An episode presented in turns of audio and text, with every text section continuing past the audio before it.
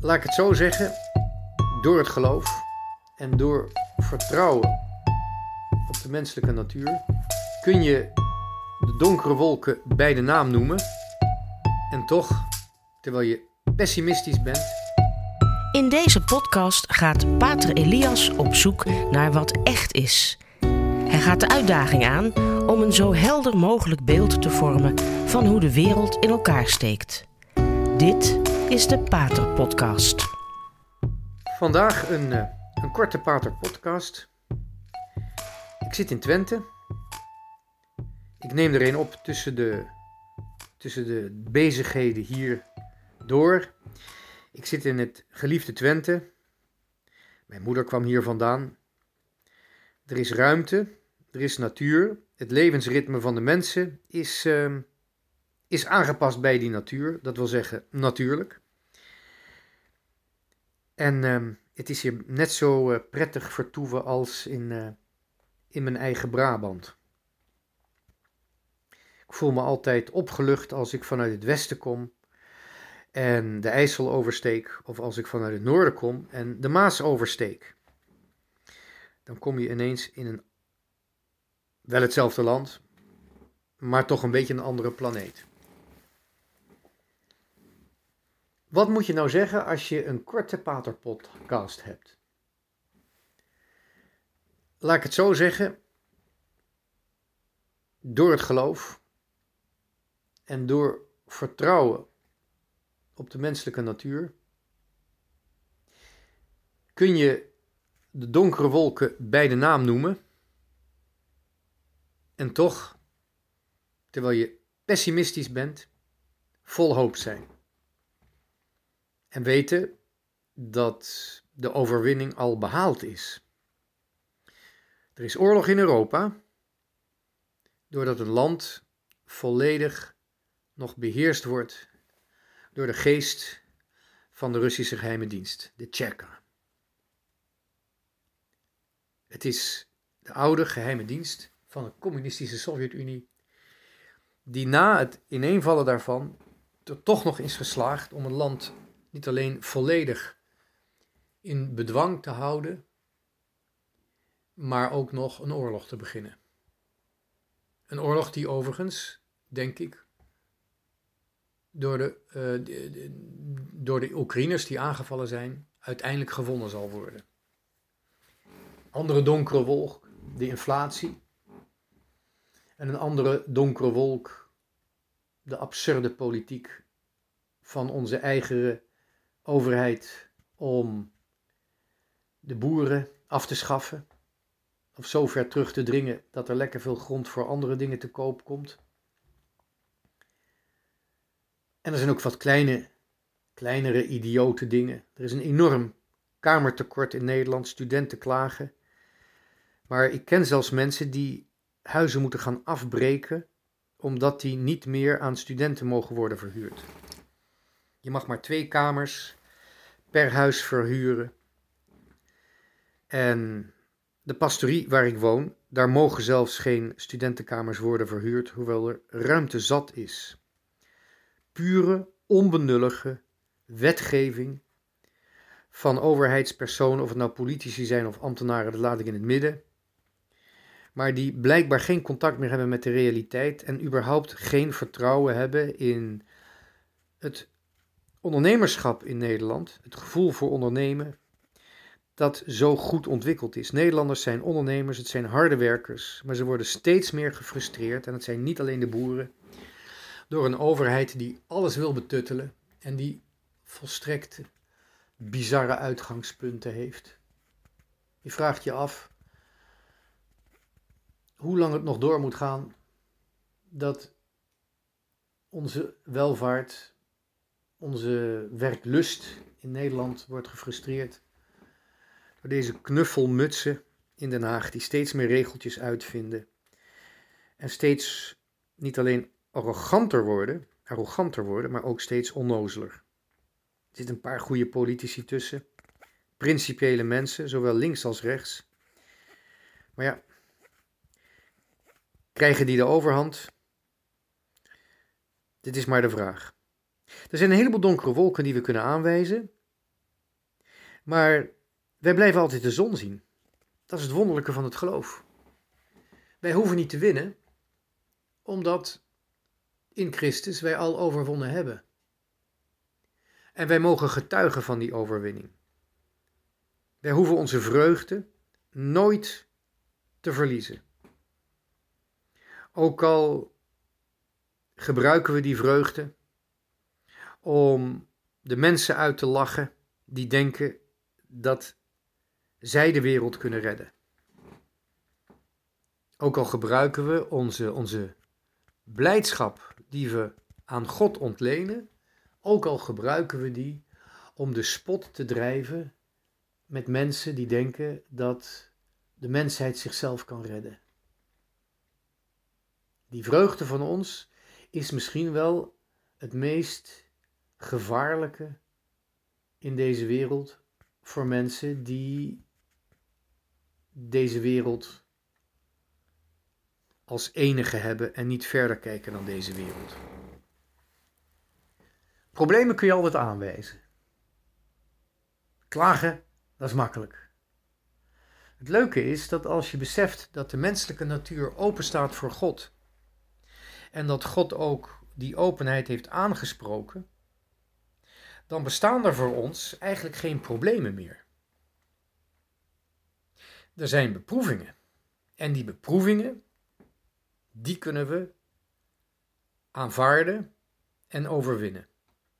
Het zijn geen problemen meer die moeten worden opgelost, maar er is in alle beproevingen die we ondergaan, is er een God die tot ons spreekt en die ons sterker wilt maken. En dan kan ik als afsluiting van deze podcast even wijzen op een persoon die dat op een hele mooie manier een aantal keren in haar leven heeft gezegd. Dat is koningin Elisabeth van Engeland. Ik weet dat zij niets of weinig heeft gemaakt om eh, gedaan om de, om de politiek te beïnvloeden. En misschien komt op ons Nederlanders ehm, het Engelse koningshuis als een beetje pompeus over. Ik vind dat niet, maar u mag het vinden. Koningin Elisabeth is overleden na een hele lange tijd trouw te zijn geweest aan haar eigen noodlot, zoals dat heeft genoemd, haar fate. dat is niet alleen een noodlot, maar het Engelse woord fate heeft er ook wel een enigszins negatieve klank. En zo heeft ze dat genoemd haar noodlot om koningin van Engeland te zijn, daar, heeft, daar is zij al die tijd trouw aan geweest. En voor sommige Nederlanders was zij misschien een wat kille vrouw, maar dat was ze natuurlijk niet. Ze had haar eigen privéleven, dat schermde ze ook af. Maar zij is verbijsterend eerlijk geweest ook over haar taak af en toe. In toespraken, na moeilijkheden, kwam ze daar ook voor uit met name het jaar 1992, wat zij het vreselijke jaar, het afschuwelijke jaar noemde in haar toespraak, het annus horribilis. Zij kwam daarvoor uit, zij deelde wel degelijk haar moeilijkheden met haar volk, maar klaagde niet, bleef trouw, speelde nooit op emoties in, maar was best wel eerlijk. En daarmee is ze ook een groot voorbeeld geweest. Een land dat enorme moeilijkheden heeft nu, daar was zij een symbool van eenheid. En daarmee is ze dus ook een enorm voorbeeld. Een staatshoofd dat haar lot aanvaard heeft en echt dienstbaar is geweest aan haar volk. En ook getuigd heeft van de kracht die een mens nodig heeft om trouw te blijven.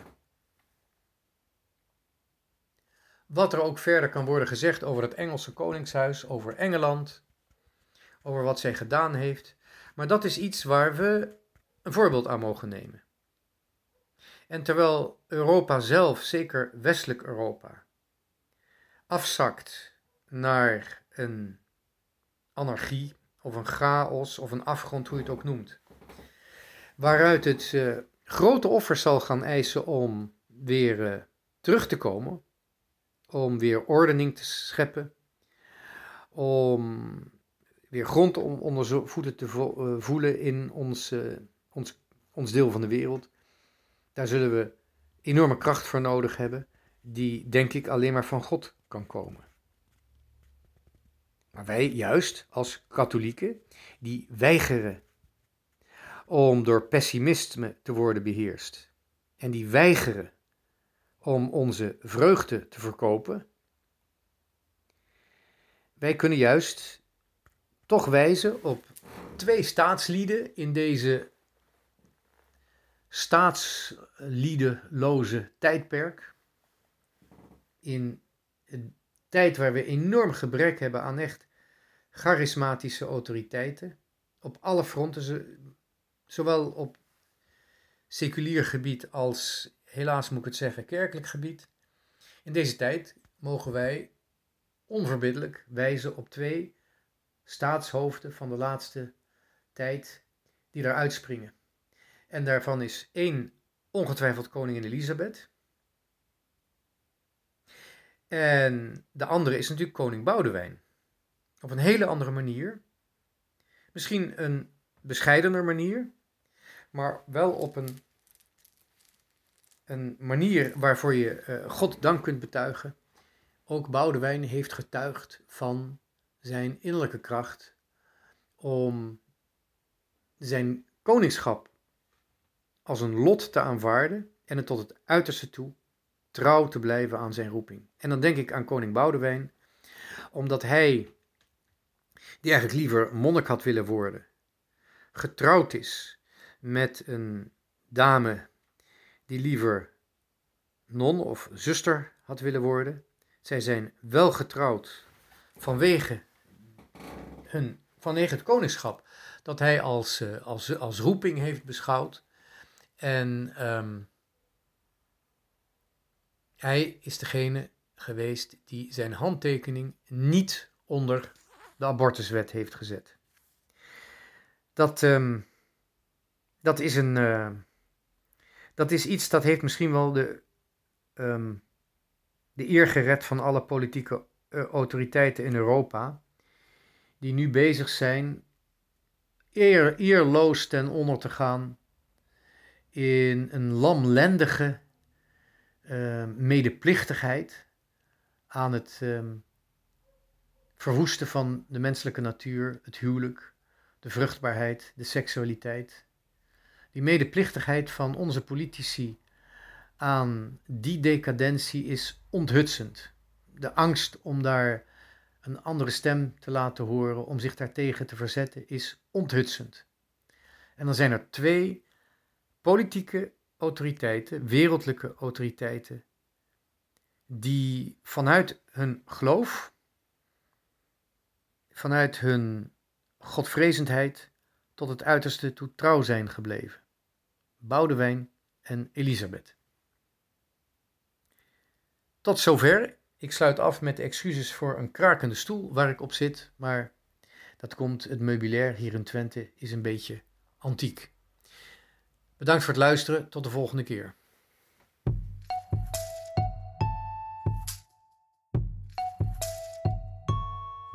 Dit was de Radio Maria Pater Podcast met Pater Elias. Deze podcast is online terug te luisteren via de website van Radio Maria en andere podcastplatforms.